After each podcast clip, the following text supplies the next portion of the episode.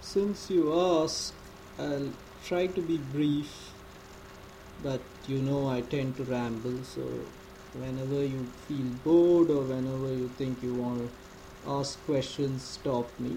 But I am the kind of guy, as you know, who, whose thoughts can easily be broken by distractions. So let me continue the monologue for some time and then we can pause and you can continue asking me questions. So, what I'll try to describe, and we could have further sessions to complete the topic, is the Shaiva Mantra Shastra. More generally, we could have a discussion on Mantra Shastra, but uh, the main reason I'm not doing it is because you all seem to be specifically interested in the Shaiva Tantras. There is an equivalent body of Vaishnava Tantras which uh, I may touch upon when we reach uh, that point in the discussion. And these two mantra shastras are very closely linked to each other and also other mantra shastras. Now, when we consider this expression of religiosity, which is the mantra based expression of religiosity, we must distinguish it from some other forms of religiosity. And that distinction we should keep in mind is not a strict one in the sense that these are not two systems which are completely separate from each other. The same person who may practice the mantra based religiosity might be a practitioner of one of the other forms of religiosity. But there is nevertheless a distinction between them, and that's something I would try to bring out. So when we try to see this distinction, it may be easier if I give examples, especially of the non mantra based expressions of religiosity. So, one of these non mantra based expressions of religiosity is something which is widely termed as devotion, or in our tradition called bhakti. So, this bhakti is some kind of a personal relationship with the deity, much as two persons may have a personal relationship between them. Likewise, the votary here is supposed to have some kind of a personal relationship with the deity.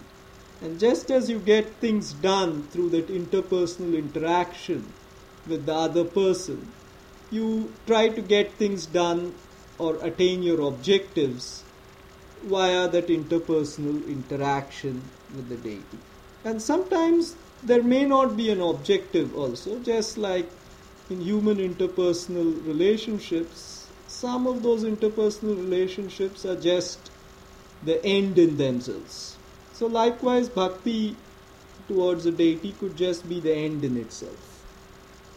Now, in this mode of expression of religiosity, you generally don't have a set of practices which we will see as being very characteristic of the mantra system. Now, it is not to say that practitioners of the mantra system may not express bhakti towards their deity. Several practitioners of the mantra system today and in the past have had that sense of bhakti. But the two are nevertheless distinct. So when you have something like uh, a stotra, which is essentially a poem of praise or a song of praise for the deity, typically this falls within the domain of bhakti. It is a verbal expression like the mantra, but it is not the same as the mantra. Now, the mantra while being a verbal expression, why is it different? We shall understand this only if we try to get some picture of its uh, history. So, this word mantra is of great antiquity.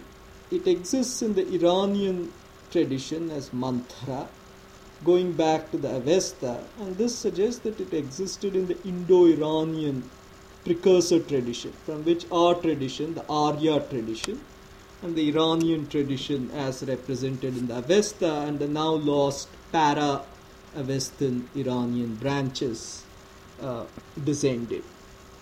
So those traditions which are which have this mantra uh, term they use it quite conservatively. So even today, the way the Aryas or the expanded domain of Arya culture, which we may term Hindu, and the way the Iranians use it is generally similar, and that suggests that this concept was very much in place in the Indo-Iranian common ancestor. Now, some of you all had earlier asked me dates it's quite hard to place dates, that's a wholly different topic in itself. But minimally, we can say that this common ancestral Indo Iranian tradition could be at least lower bound, in my opinion, could be 4000 years before the present. Easily, it could be 5000 years or more before the present. But certainly not much more than 5500 because we have various constraining bits of evidence. Now, the mantra per se, it is a string of words which may have a semantic value, that is, a meaning, and it may be combined with some syllables which are non semantic, that is, they don't have any meaning in the language, though they may have a meta meaning, and usually they do have very strong meta meanings which are important for mantra practice. And they tend to be used in a very specific format or very specific mode of deployment, wherein this set of words along with the syllables if they are present, the non semantic syllables, are deployed according to certain rules and also according to certain ritual accompaniments, actions, karma. So these actions may take many different forms. The most common of these include the turning of a bead of a rosary for each repetition of the verbal unit which we define as the mantra. And that would be termed as japa then. Or we may offer fluid offerings which quench or propitiate the deity or pacify the deity. They would be called tarpanas. And then we have fire offerings where we offer various substances into the ritual fire. This fire is not just any fire, it's lit in a very specific way and consecrated thereafter. And the offerings are made into it. That would be called a homa typically. There are many other variants of fire offerings, but those needn't concern us at this moment. So these are very typical ritual actions which accompany a mantra. There may be more complex ritual actions which may be in the context of something like building of a temple and installation of deities within the temple and these images of deities which are installed in the temple may be made of various materials and operations performed on those images or with respect to those images are other rituals where mantras may be used. Now, an important point about these mantras is that the mantra in itself is considered in some way an embodiment of that deity and it is in itself the element of power or the element of uh, fulfilling the kind of action you're performing or it is the means to the fruit which you seek to obtain upon performing the action. Now, in this respect, it differs from the stotra which may be uttered in the bhakti context because in that context it is an interpersonal relationship between you the bhakta and the bhakt and the deity whom you're a bhakta of. So it's like you're speaking to the deity or you're interacting with the deity. In the mantra performance, you're not necessarily speaking to the deity. In fact, it is more like you are placing your consciousness in the deity or you're becoming conscious of you being the deity.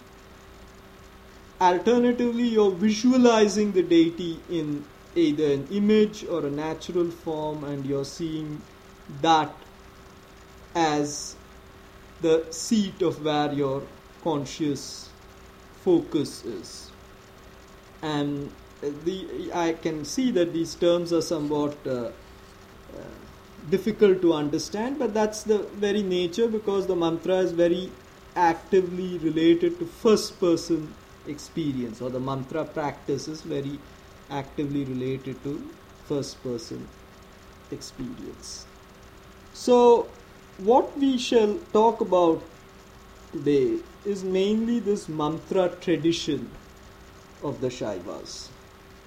So, the Shaiva mantra tradition, like all other mantra traditions which today survive of the Hindus, goes back to the Veda or the Shruti, which is our oldest religious expression. Within the Shruti, as you all know, there are four broad collections the oldest of which is the Rig Veda. Now, the Rig Veda has collections of mantras which are organized into what you may term poems called suktas and these suktas in turn are organized into larger units which are known as mandalas. Now a given sukta typically is for a deity. So here you must understand an important concept which relates to mantras. The mantra usually has two elements which always go with the mantra. One is a deity. So every mantra is for a deity. And in this element, you might see some overlap with the bhakti element of tradition. That there is ultimately a certain ob- relationship or obj- objective for the mantra which is the deity. Now, the second element which all mantras possess is the person who saw the mantra. Usually, people tend to use the word see because people are called seers of mantras because they are supposed to not actually compose the mantra but get that mantra through inspiration. And there are traditions which, uh, very widespread tradition which uh, preserves the Veda, which believes that the Veda is apaurusheya, which means it's of non human origin, and the rishis who are associated with the mantras, they are not actually composers of the mantras, but they are merely seers of it. That is, it was pre existing and they saw it. However, you should note that this is not how the Vedic tradition saw itself.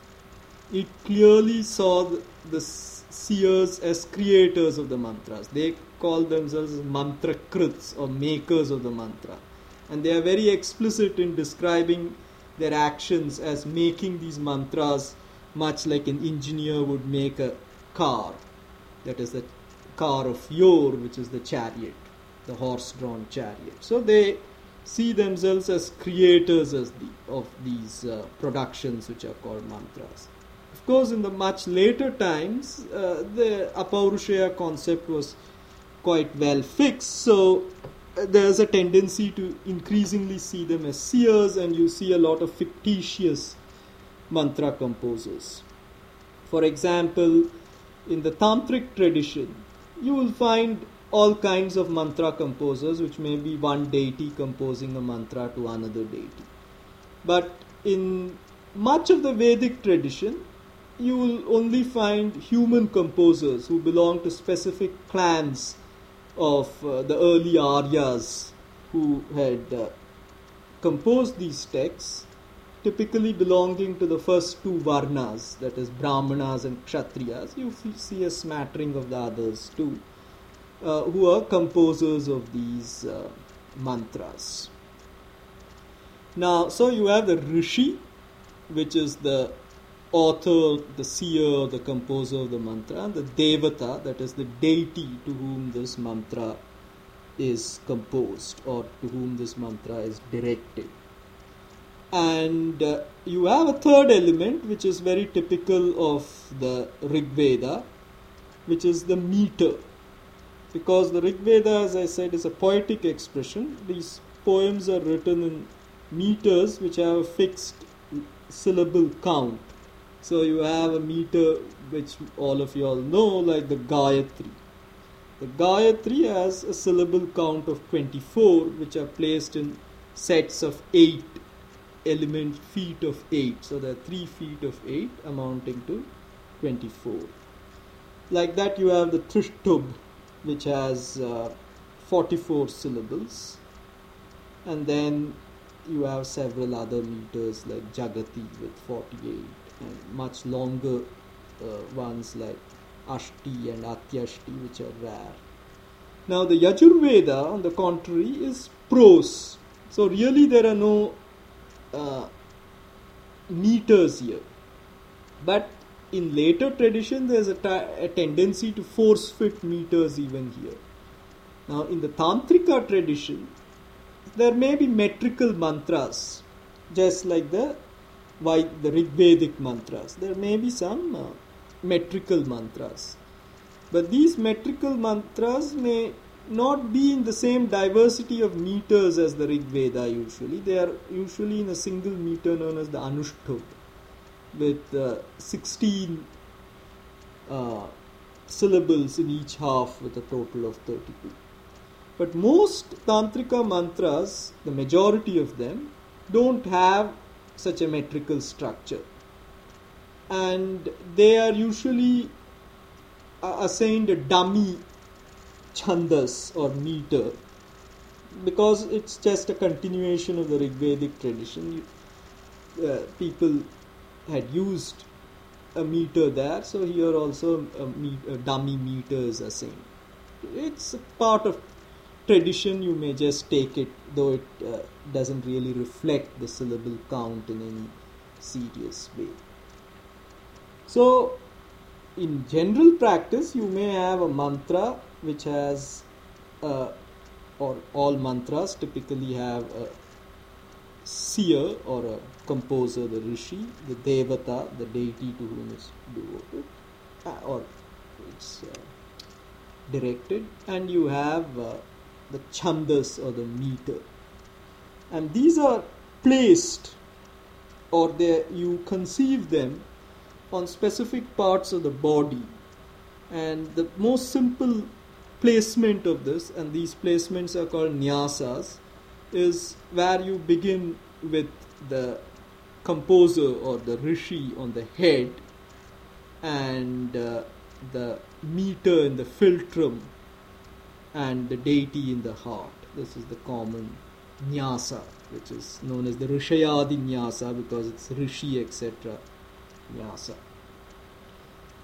So, this is a very generic background on mantras. So, coming to the coming back to the Shaiva tradition, right in the Rig Veda, we have a large collection of deities which the Indo-Aryans, that is the Aryas, are Arya precursors, inherited from their even earlier Indo-European, uh, the Proto-Indo-European common ancestors. And of course, that went through an Indo-Iranian stage, which we can very clearly discern. And of these uh, traditions, uh, what is important to note is that these deities are very clearly related to certain domains of nature. And there is a great multiplicity of them, and uh, for a, good practitioner, I am speaking partly in a very uh, what you may call academic sense, not like the mainstream uh, white Indology kind of academics, but sort of a dispassionate observer in, on one hand, but on the other hand, I am also an insider. So for the insider, it's very important to have an intimate knowledge of these devatas and not conflate one with the other. So there's a large body of these devatas. The male devatas are generally divided into three large classes, which are known as the Adityas, the Rudras, and the Vasus. Now, this Rudra class is where our whole Shaiva tradition begins. Now, this Rudra class is very ancient, it's very clearly Proto Indo European, for you can see cognates in the Greek branch and uh, the Germanic branch without much difficulty. Perhaps you can see faint glimmers in the somewhat less preserved branches like uh, Baltic and Slavic. Unfortunately, Christianity has resulted in us having a poorer knowledge of what they really had.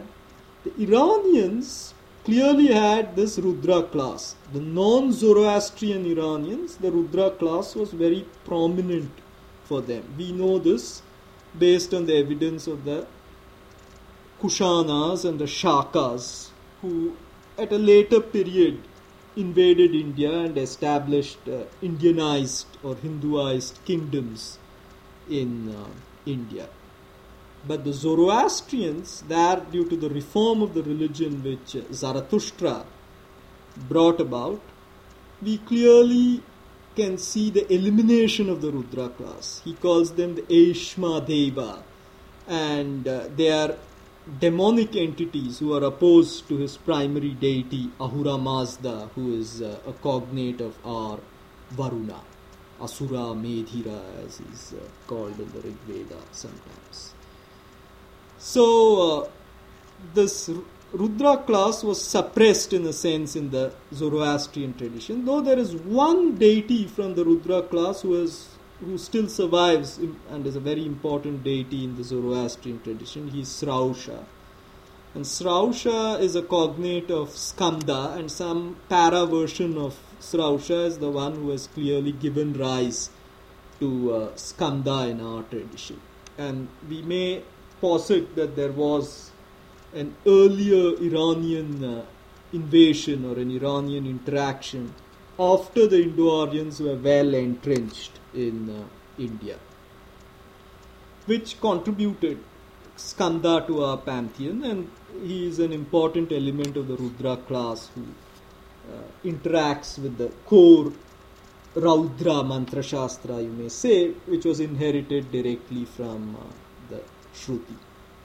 So in the Veda there are multiple suktas to Rudra as well as scattered rigs to Rudra and the Rudras. Now collectively the Rudras in the Rig Veda include Maruts, though later they were formalized as being 11 in number. Now these Maruts are the sons of Rudra in the Rig Veda. They are companions of Indra and very important deities in the Vedic ritual. For example, in the Varuna Praghasa ritual, which we perform in summer, you would note that one of the altars is set up for the Maruts and we make oblations uh, to the Maruts there. Again, the Somayaga, after the altar has been completed, that is, the five layered altar of bricks has been completed, we have an important ritual to Rudra and we have one to the Maruts too, where curds or yogurt is offered to the Maruts.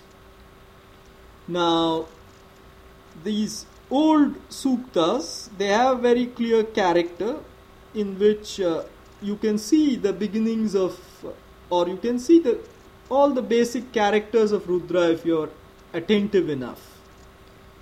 Uh, some people have said that there's a great difference between the later day uh, character of Shiva and the Vedic Rudra. That is, of course, nonsense. Shiva and Rudra are pretty much uh, the same. There, the emphasis might have changed. There is, of course, evolution of any system, and we do see that and we'll trace that. But all the basic elements are there. One important point to note is that he is sort of the deity of the exterior. That is, there's the civilized interior where people live with uh, their families and livestock, cattle and horses, which are the primary livestock of the Aryas. They, of course, had sheep, and uh, they we know that they domesticated the elephant, but the elephant is sort of in the fringe. So there are these other uh, domesticated animals, and the humans themselves. They are within the civilization. Rudra, in a sense, is to the exterior because he's associated with great danger. And this kind of danger is expressed in many forms, especially in the form of a certain fear of Rudra.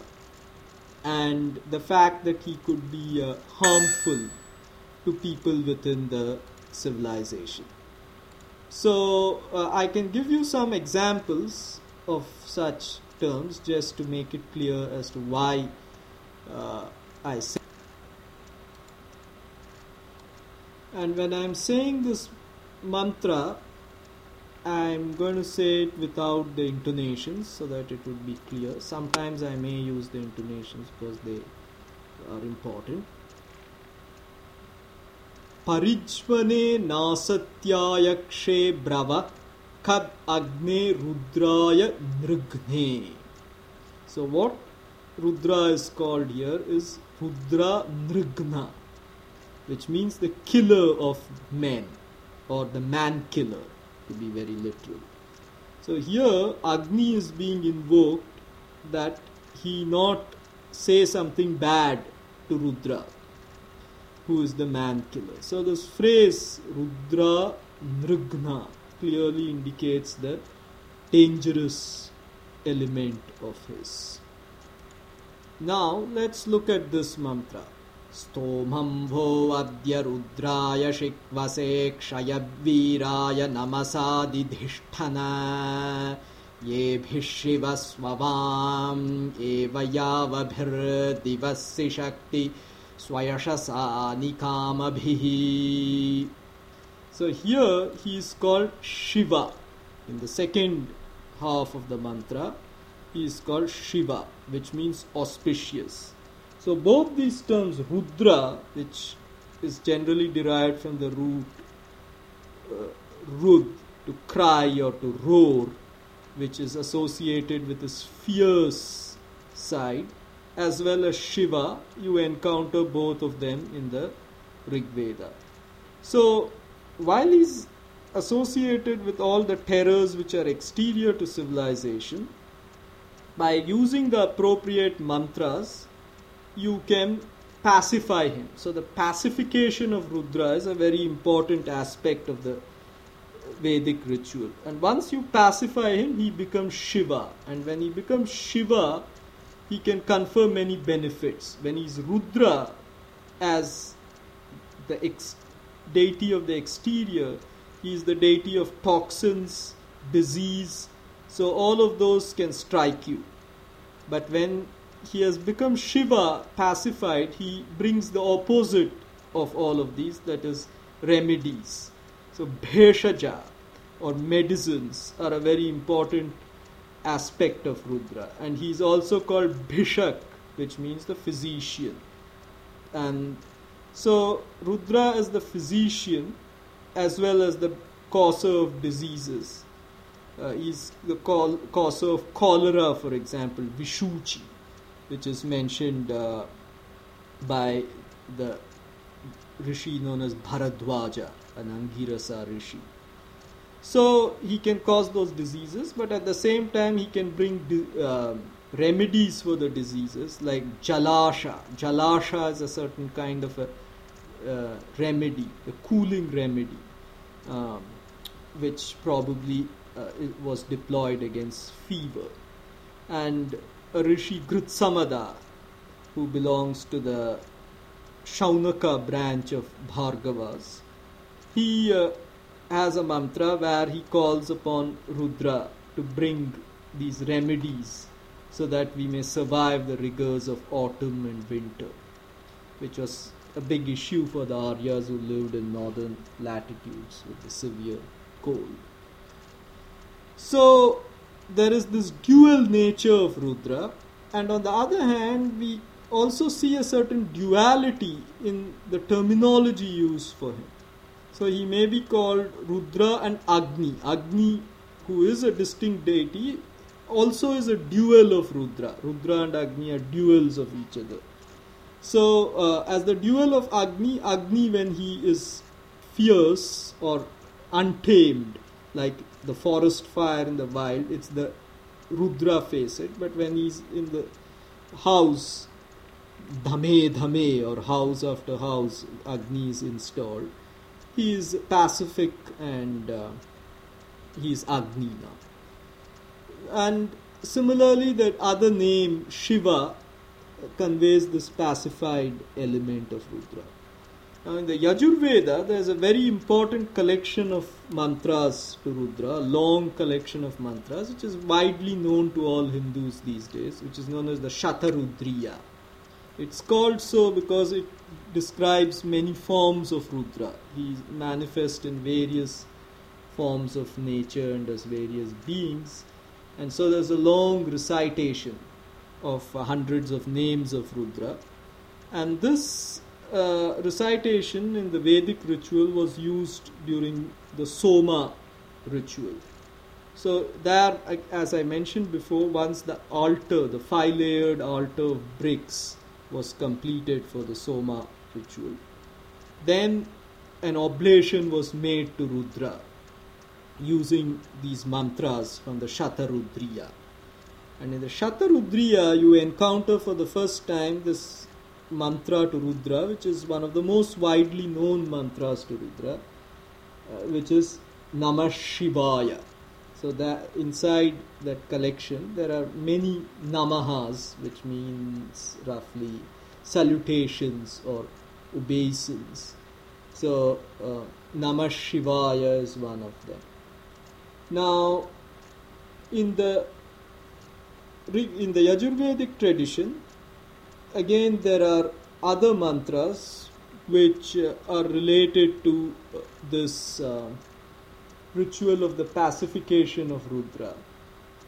And in the Maitrayaniya branch of the Yajurveda, you come across one of these mantras, which was to have great importance in the later time. And this is how it is recited. Now I'll say this with intonations. अघोरेभ्योऽथ घोरेभ्यो घोरघोरतरेभ्यः सर्वेभ्यः सर्वशर्वेभ्यो नमस्ते अस्तु रुद्ररूपेभ्यः। So here it talks of Aghora which means the benign forms of Rudra Ghora which means the terrifying forms of Rudra and Ghora which means the most terrifying or the most terrible forms of Rudra.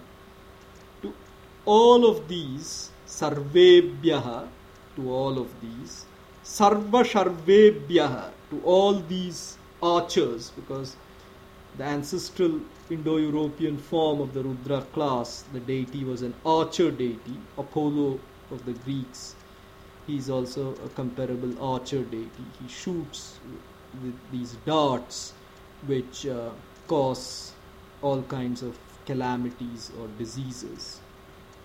And so he's called Sharva. Sharva meaning archer comes from the root uh, for uh, Shara, which is uh, arrow. The English word arrow is a cognate of the Sanskrita word uh, Shara. So to all of them, Namaste. Rudra Rupebhya. So it's very clear that he has manifold forms, all of which are recited in the Shatarudriya. In the Maitrayaniya stream, this mantra is additionally added. It's hence called the Bahurupi Rig because it describes the many forms of Rudra. Now, in the Atharva Veda, we see another recitation which is of some importance in understanding the development of this multiplicity of forms of Rudra. So, this mantra it places different forms of Rudra or different names of Rudra in the different directions as archers who would protect you. That is, by knowing this mantra, you gain protection from the harm which Rudra can potentially cause. So it goes like this तस्मै प्राच्य अन्तर्देशाद्भवमेश्वासमनुष्ठातारमकुर्वन् भवेन विश्वासः प्राच्यदिशोऽन्तर्देशानुष्ठातानुतिष्ठति नैनं शर्वो न भवो नेशानः नास्य पशून्न समानान्हि नास्ति य एवं वेद So what it means is that in the eastern direction I am appointing Bhava as the archer and now that he is stationed in the eastern direction neither Bhava nor Sharva nor Ishana harms the ritualist who knows this mantra, harms him or his cattle.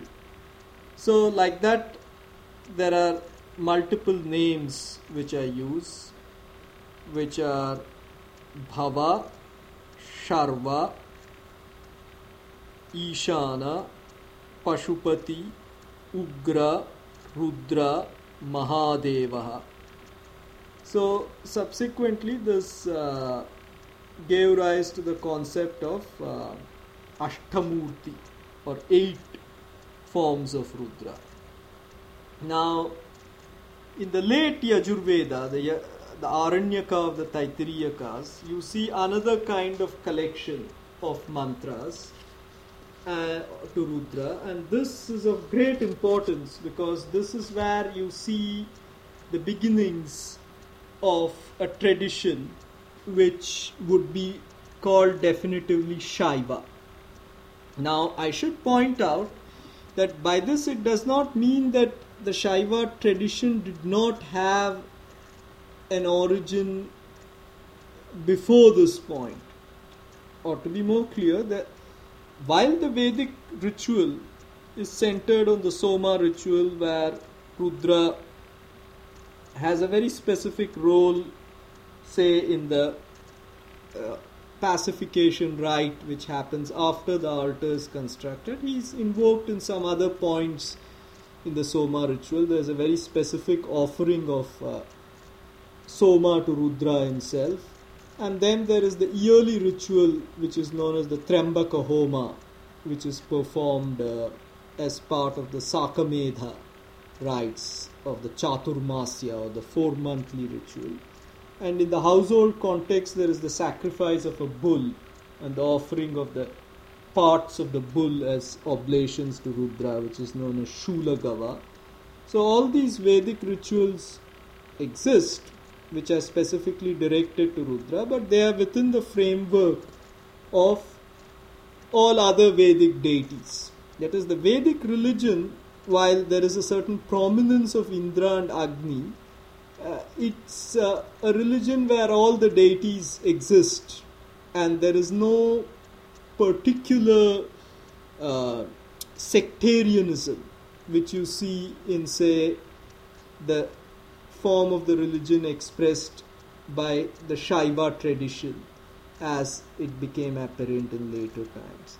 So, what I'm trying to say is that this kind of sectarianism it was existing, in my opinion, in some form as a para religion to the Shrauta religion, which is the Vedic religion.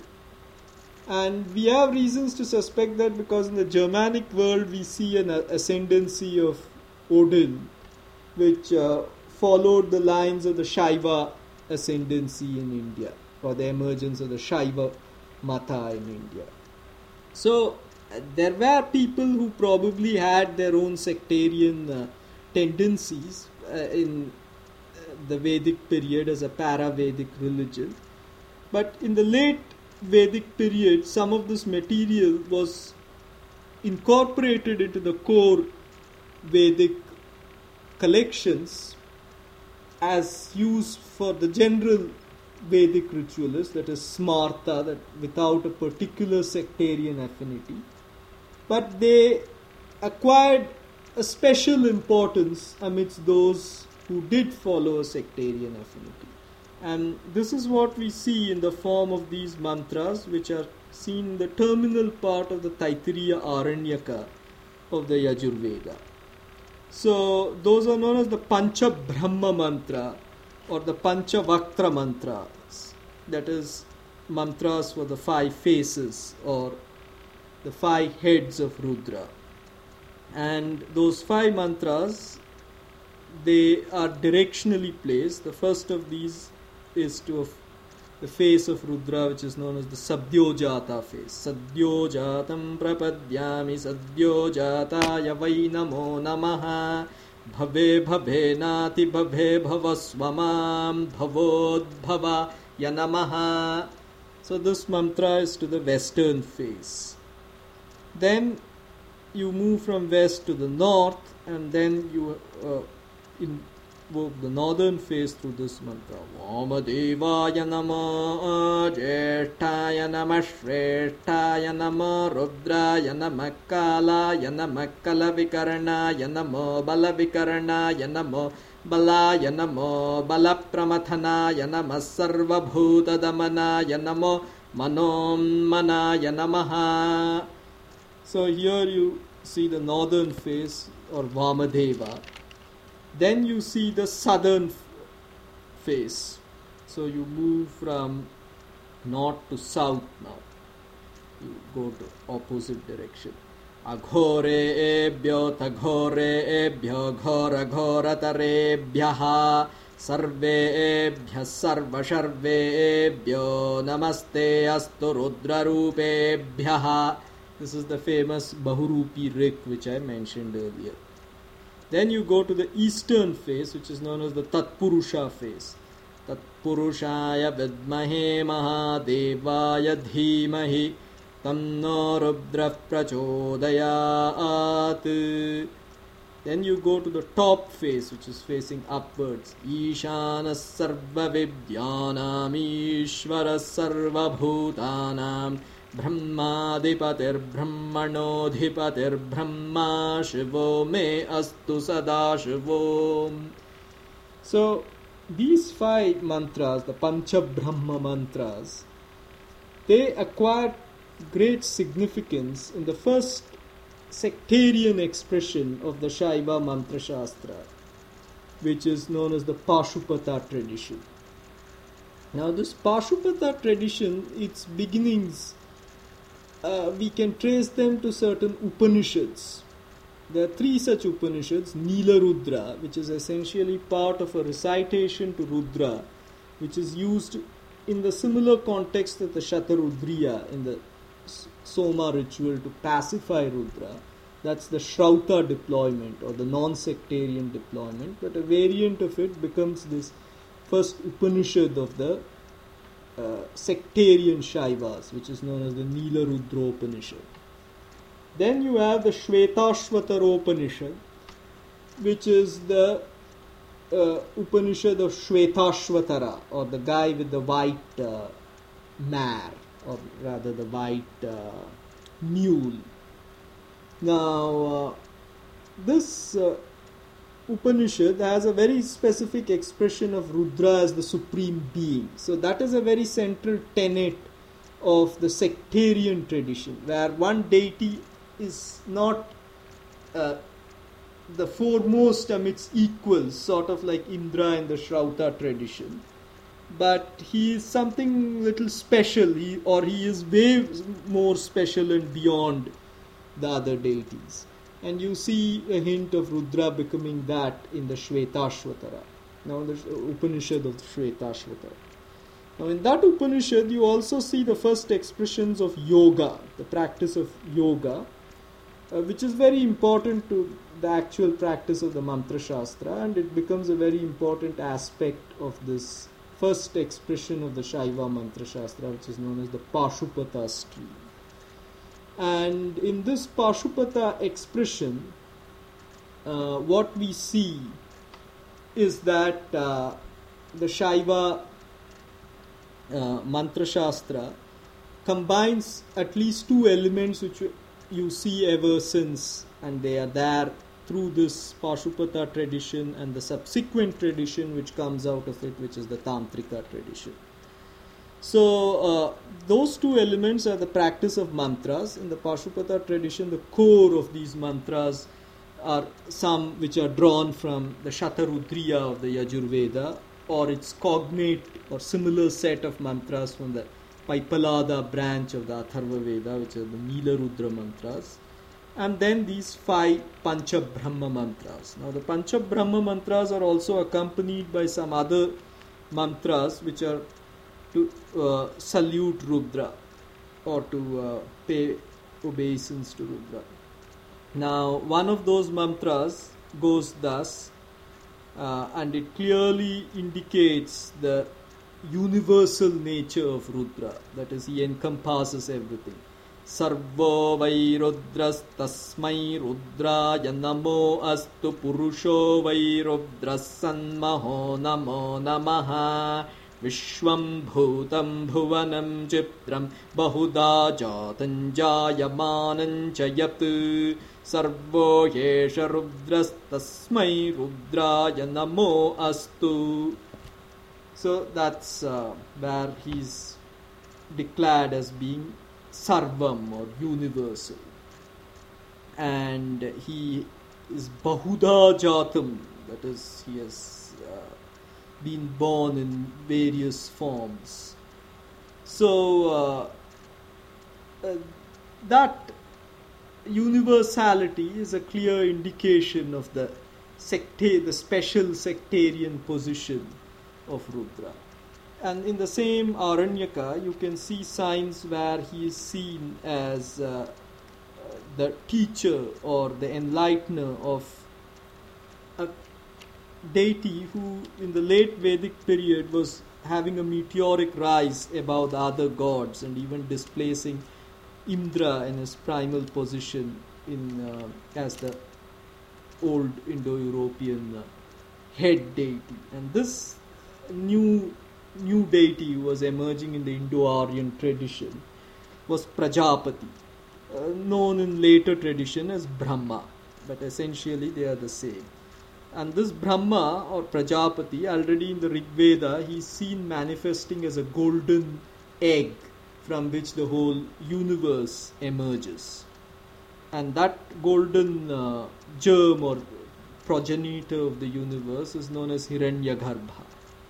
So, in the Taittiriya Aranyaka, you come across this mantra which goes thus यो देवानां प्रथमं पुरस्ताद्विश्वादियो रुद्रो महर्षिः हिरण्यगर्भं पश्यत जायमानकुं स no देवः शुभया स्मृत्या संयुनक्तु।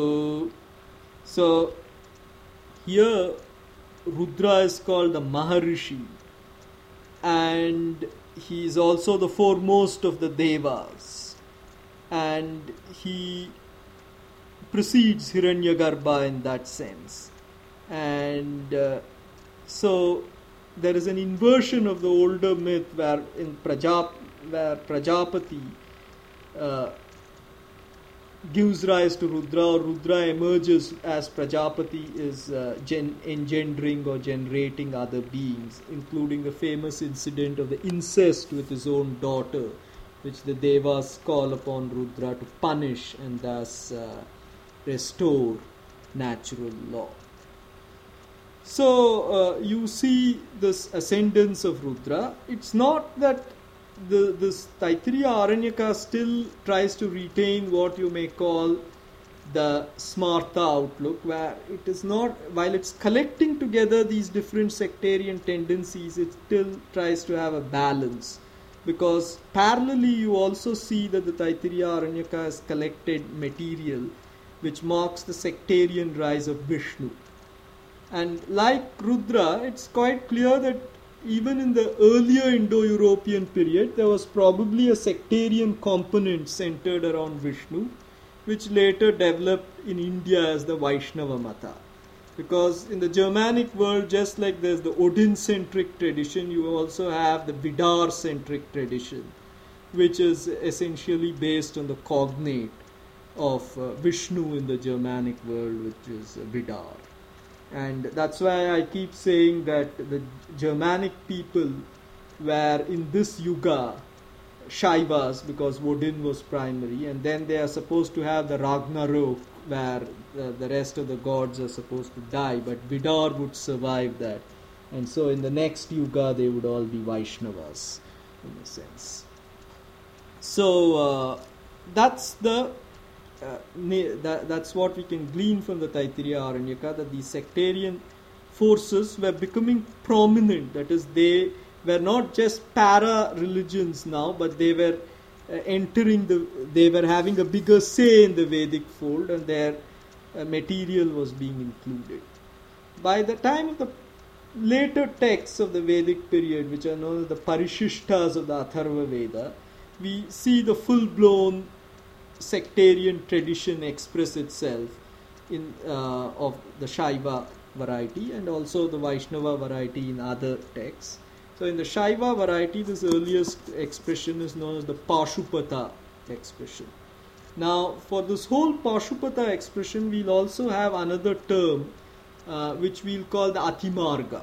Ati meaning beyond, so it's the generally practitioners of the Pashupata tradition had very uh, austere lives, and one thing they avoided was seeing women or uh, interacting with women would be more precise in their earlier uh, expression. So they were beyond society.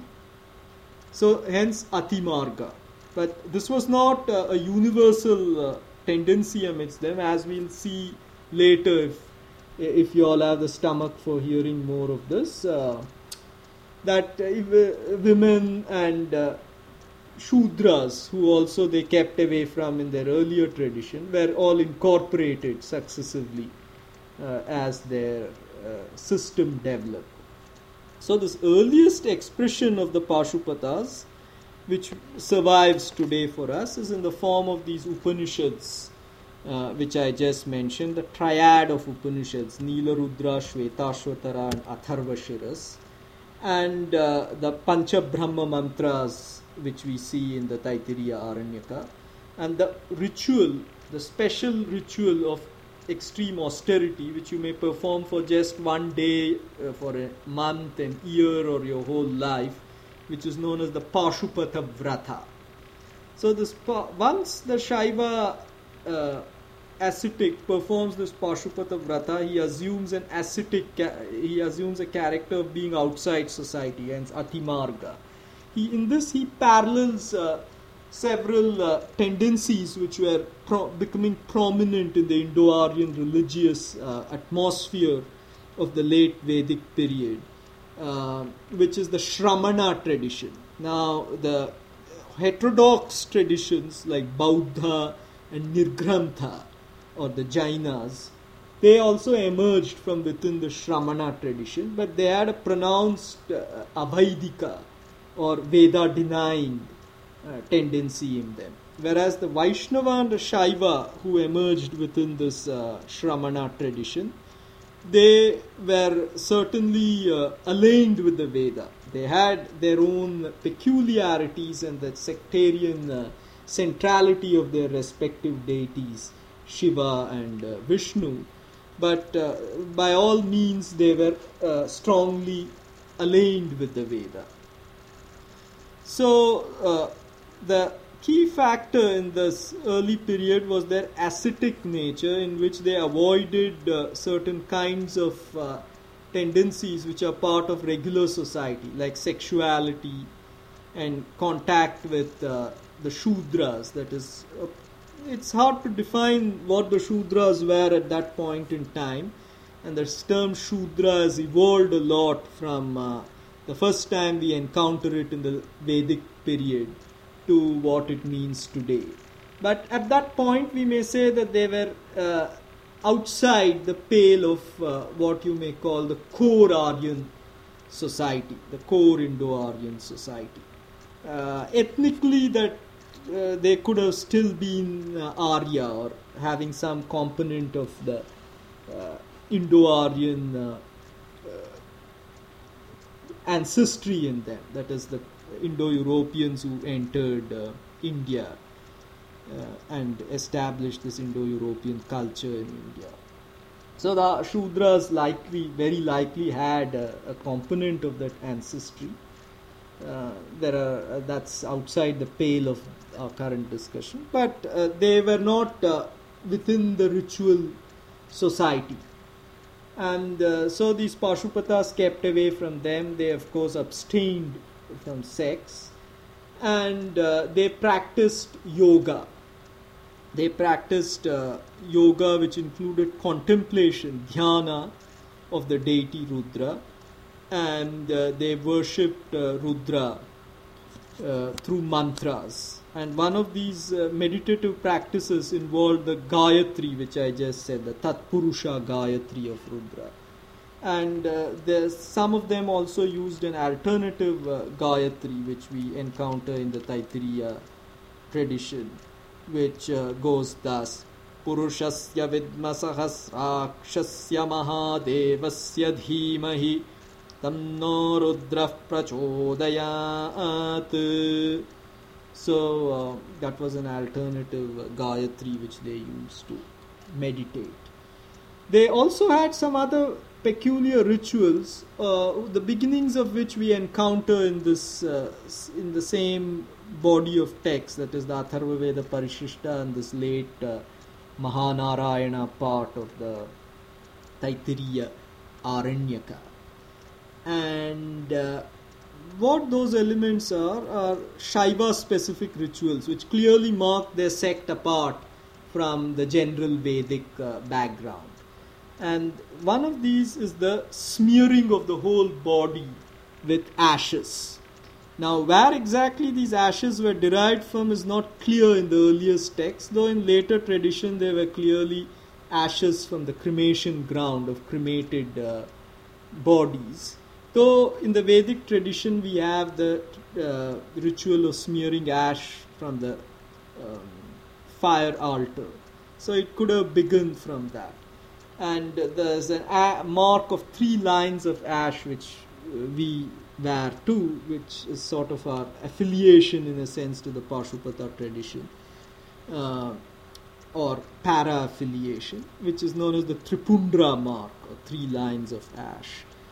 And uh, then you have uh, the ritual of the worship of an image of Rudra. And this image of Rudra may have either been a five headed image where there were five faces, four in each direction and one above, or it may have been a phallic emblem or the linga. Now, in later tradition, there's a tendency to downplay the phallic element, but the phallic element is very obvious in the earliest exemplars of the linga.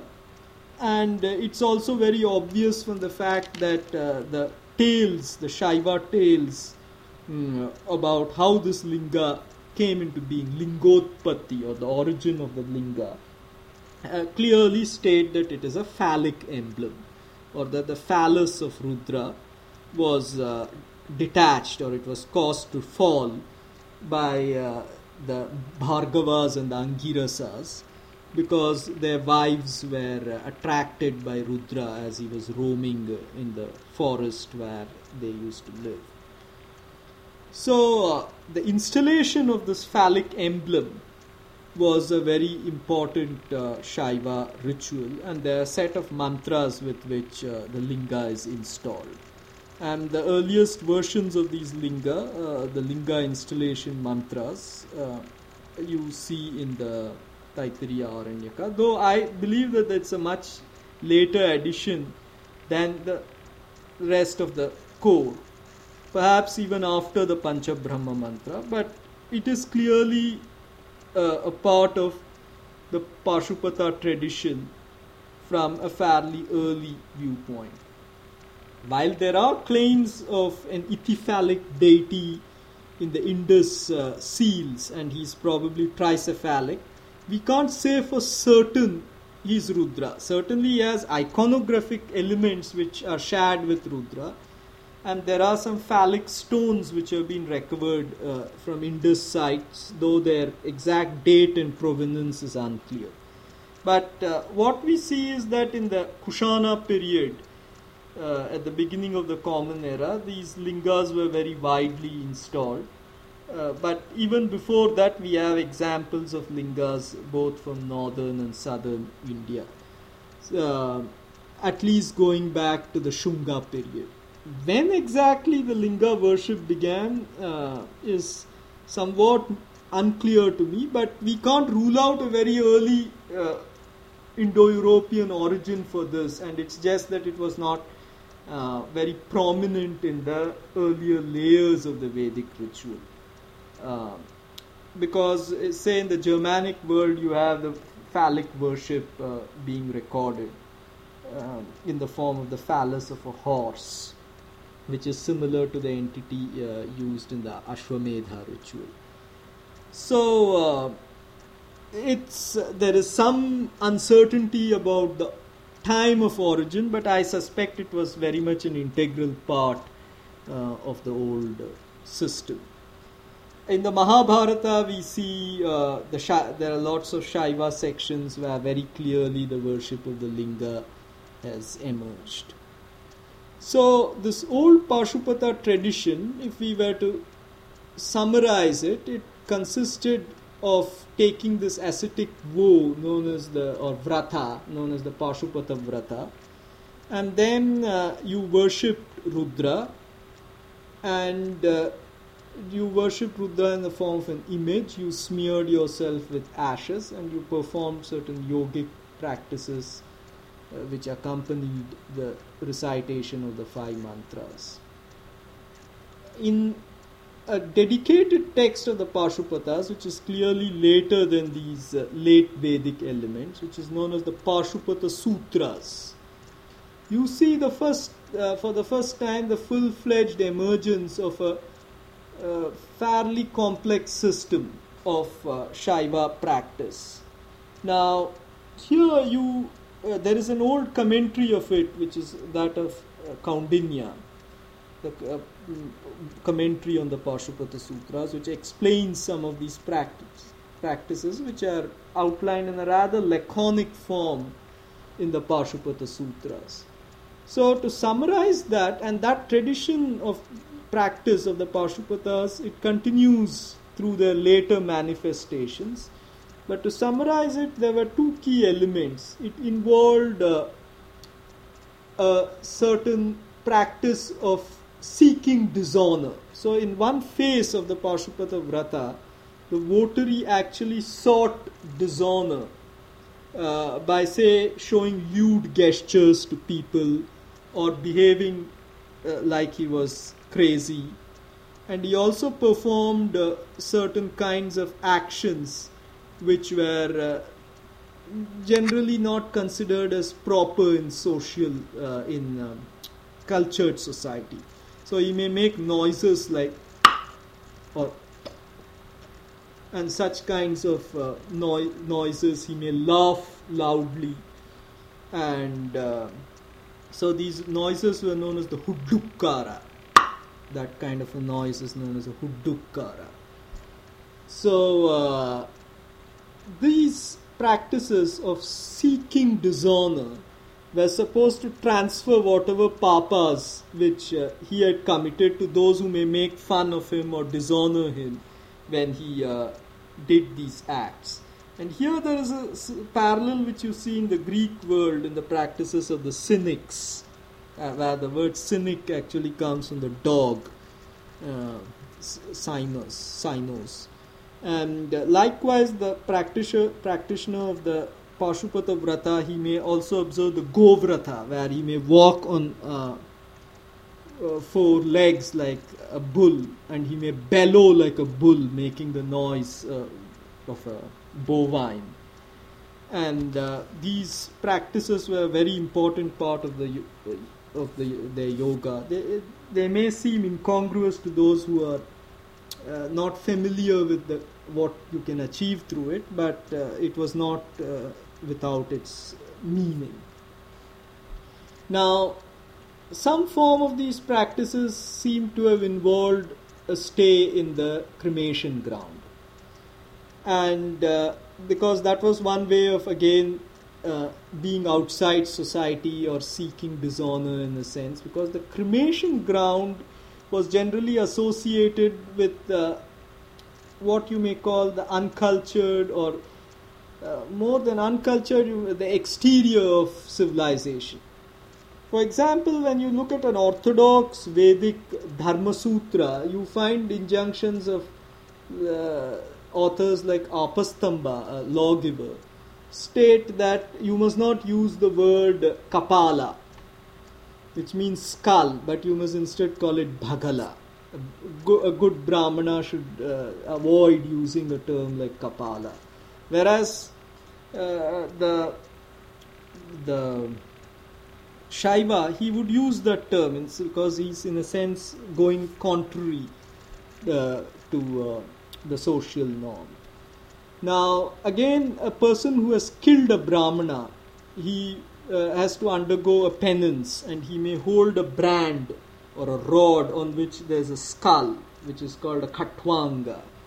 And uh, that becomes an emblem of the Shaiva, where again, so the killing a Brahmana killer is a very low guy in society. It's a grave sin.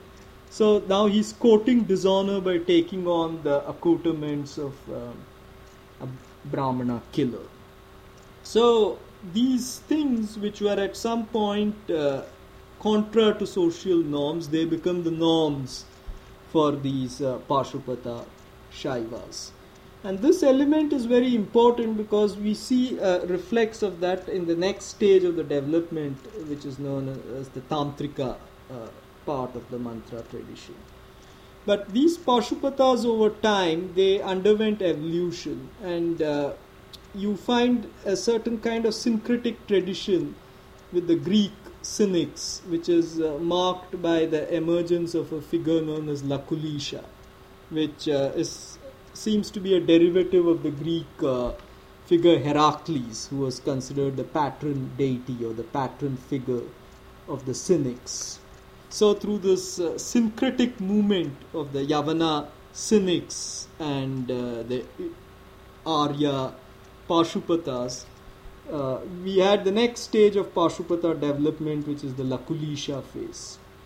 Now, the Lakulisha tradition, it had a very specific origin mythology which suggests that uh, this entity uh, or this uh, founder, Lakulisha, probably had some historical reality, though he was syncretized by the subsequent tradition with the Greek Heracles. So, the way it begins, why we, we suspect this historicity is due to two reasons. One, we see a very specific story that in a place in Gujarat, which is known as Kaya, Kayavarohana, uh, there was a dead Brahmana. A Brahmana corpse was lying there. And uh, Rudra animated that corpse, just like a Vethala, the entity known as the Vethala animates a corpse like that Rudra animated that corpse. And then he walked all the way from this place in Gujarat, which is known as Kayavarona, one of the holiest sites for the Shaivas.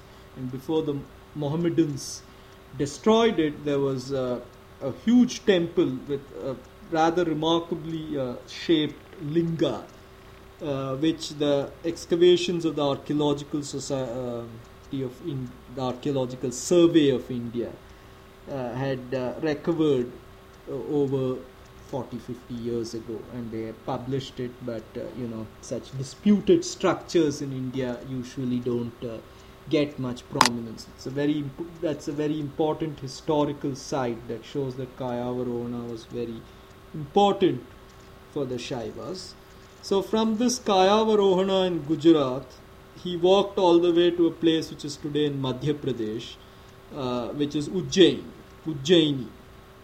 So in Ujjaini, he started teaching the Shaiva doctrines, and it is said that he taught, taught it to four students, one of whom was this Kaundinya, who is credited with the Bhashya or the commentary on the Pashupata Sutras. So, in the Kaundinyan commentary, there is a tendency to identify the author of the Pashupata Sutras with Lakulisha, but quite likely that was not the case. Lakulisha comes after the uh, Pashupata Sutras, since there is no internal evidence there of this Kayavarohana cycle. So uh, that phase is the next phase, the Lakulisha phase. So we have the Vedic phase associated with uh, the Shrauta religion, where Rudra is one of the several gods. Then we have the late Vedic phase, where we see the emergence of the sectarian Pashupata identity uh, with the Panchabrahma mantras and the Upanishads. Then we have the Pashupata Sutra phase, where the full blown and the peculiar ritual of the Pashupatas emerges. And then we have this Lakulisha phase. And this Lakulisha phase and the Lakulisha ascetics were an enormously influential tradition in India and beyond. We find evidence for them uh, in Central Asia. We find evidence for them in the Far East, in Cambodia, Vietnam, and uh, also in the Malay archipelago. So all these Shaiva uh, uh, ascetics of this Lakulisha tradition, uh, they clearly accepted this whole predecessor tradition that I just mentioned, all these stages. So they were, it was not like they rejected the earlier forms, they were all uh, uh, congealed into one tradition in the Lakulisha period. Now, the Lakulisha tradition seems to have undergone some diversification because we have some, we, none of their texts survive from that Lakulisha period other than uh, a further commentary on the uh, commentary of uh, of uh, Kaundinya on the Pashupata Sutras of Bhasarvajna. So that uh, commentary does uh, survive but they had many texts known as agamas or uh, uh, granthas, lakulisha, lakulisha granthas, which don't survive. Uh, but we have hints of that from the later Tantrika tradition because they accept these guys as their prede- predecessors. So we know that some uh, diversification had happened. The Puranas also mention some diversification. And polemical authors of later times, like uh, Ramanujacharya, the famous Vaishnava teacher, he also mentions some of the traditions. So uh, we have uh, evidence that there were groups known as Mausalas, and this Mausala meant that he held a musala or a club, very much like Heracles holds a club. Lakulisha also holds a comparable uh, club. And uh, then there was uh, another tradition which was, so there was Lakula proper, the Mausalas, and uh, there was one tradition known as the Vaimala tradition.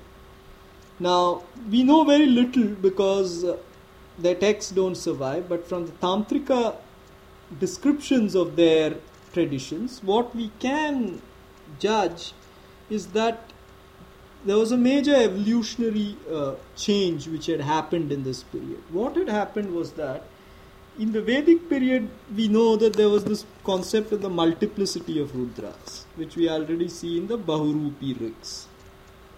But here, that multiplicity of Rudras was organized into a hierarchy, which was known as the Bhuvanadhvan or the hierarchy of the world. So there were Rudras associated with uh, what you may call the earth world, the heaven world, so on, the physical worlds. And then there was a Platonic world.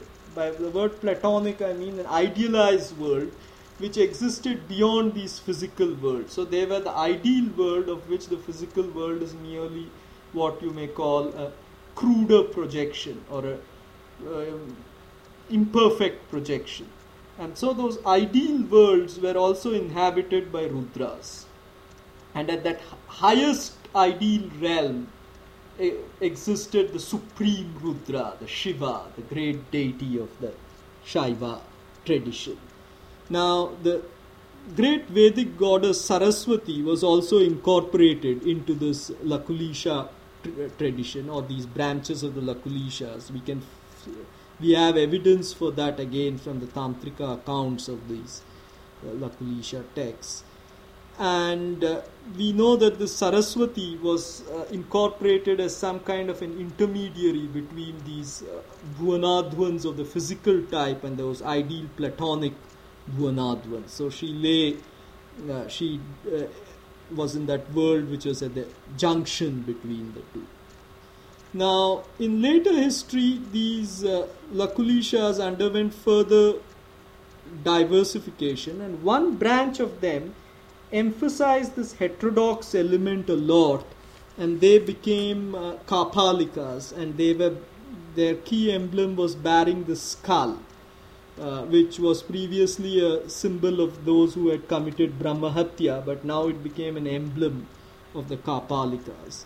We know very little of them, but from inscriptional evidence and some texts which describe them, we know that they adhered to the Vedic path, like the other Pashupatas. And typically, you became a Kapalika only after you performed the soma Somayaga. So, inscriptional evidence suggests that the Kapalikas were Soma ritualists. So, after performing the Soma ritual, they took on the Pashupata Vrata of a special type which was known as the Mahavrata and hence they were also known as Mahavratins, the Kapalikas. So the Kapalika branch was one, and there was another branch known as the Kalamukha branch, and they were so called because they smeared their faces with a black uh, and hence they were black faced or Kalamukas. Now, the Kalamukas had an extremely uh, um, well developed scholastic tradition which emphasized the Nyaya and the Vaisheshika traditions of philosophy, and also Samkhya and Mimamsa to a degree.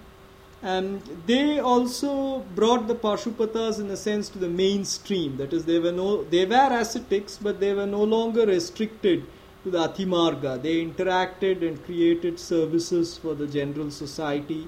So the uh, Kalamuka ascetic won't mind uh, setting up, say, dance performances for the temple.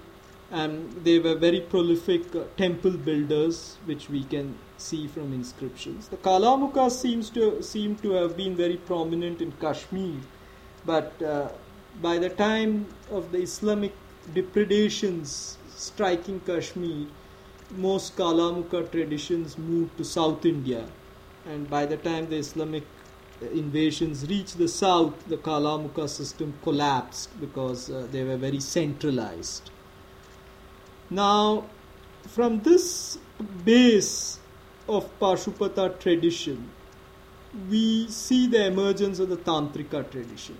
An important change that happened in the Lakulisha phase was that they became more and more engaged with society. That did not mean that they gave up their ascetic ways, but we have some evidence that there were father son lineages, suggesting that they were clearly not being celibates.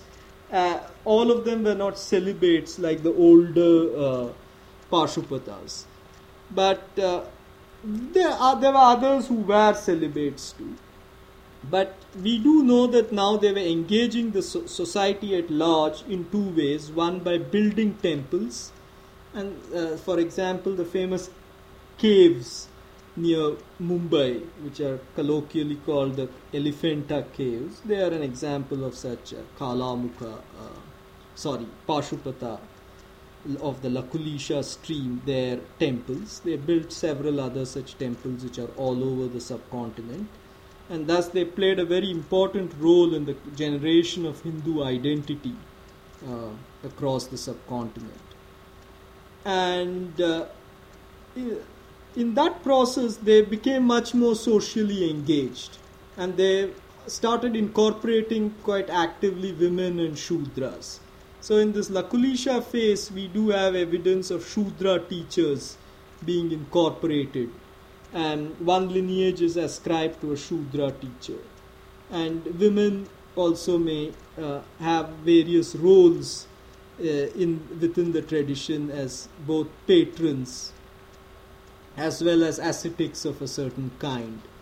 So we see that clearly they were broadening their scope, and one possibility is that the Bauddhas, who are a competing Shramana tradition, uh, who had a very broad scope, were now in the picture. So the Pashupatas, by remaining pure Atimarga uh, practitioners, could not really get patronage. So they had to be more engaged socially, and the social engagement had a very important uh, uh, role in the emergence of the Hindu identity, which further strengthened with the emergence of their successors, which were the Tantrika traditions. So, in the next uh, discourse which we shall have, I will cover the Tantrika traditions. Uh, I'm sure since I was rather scattershot in this whole thing, there'll be lots of questions which uh, we can sort of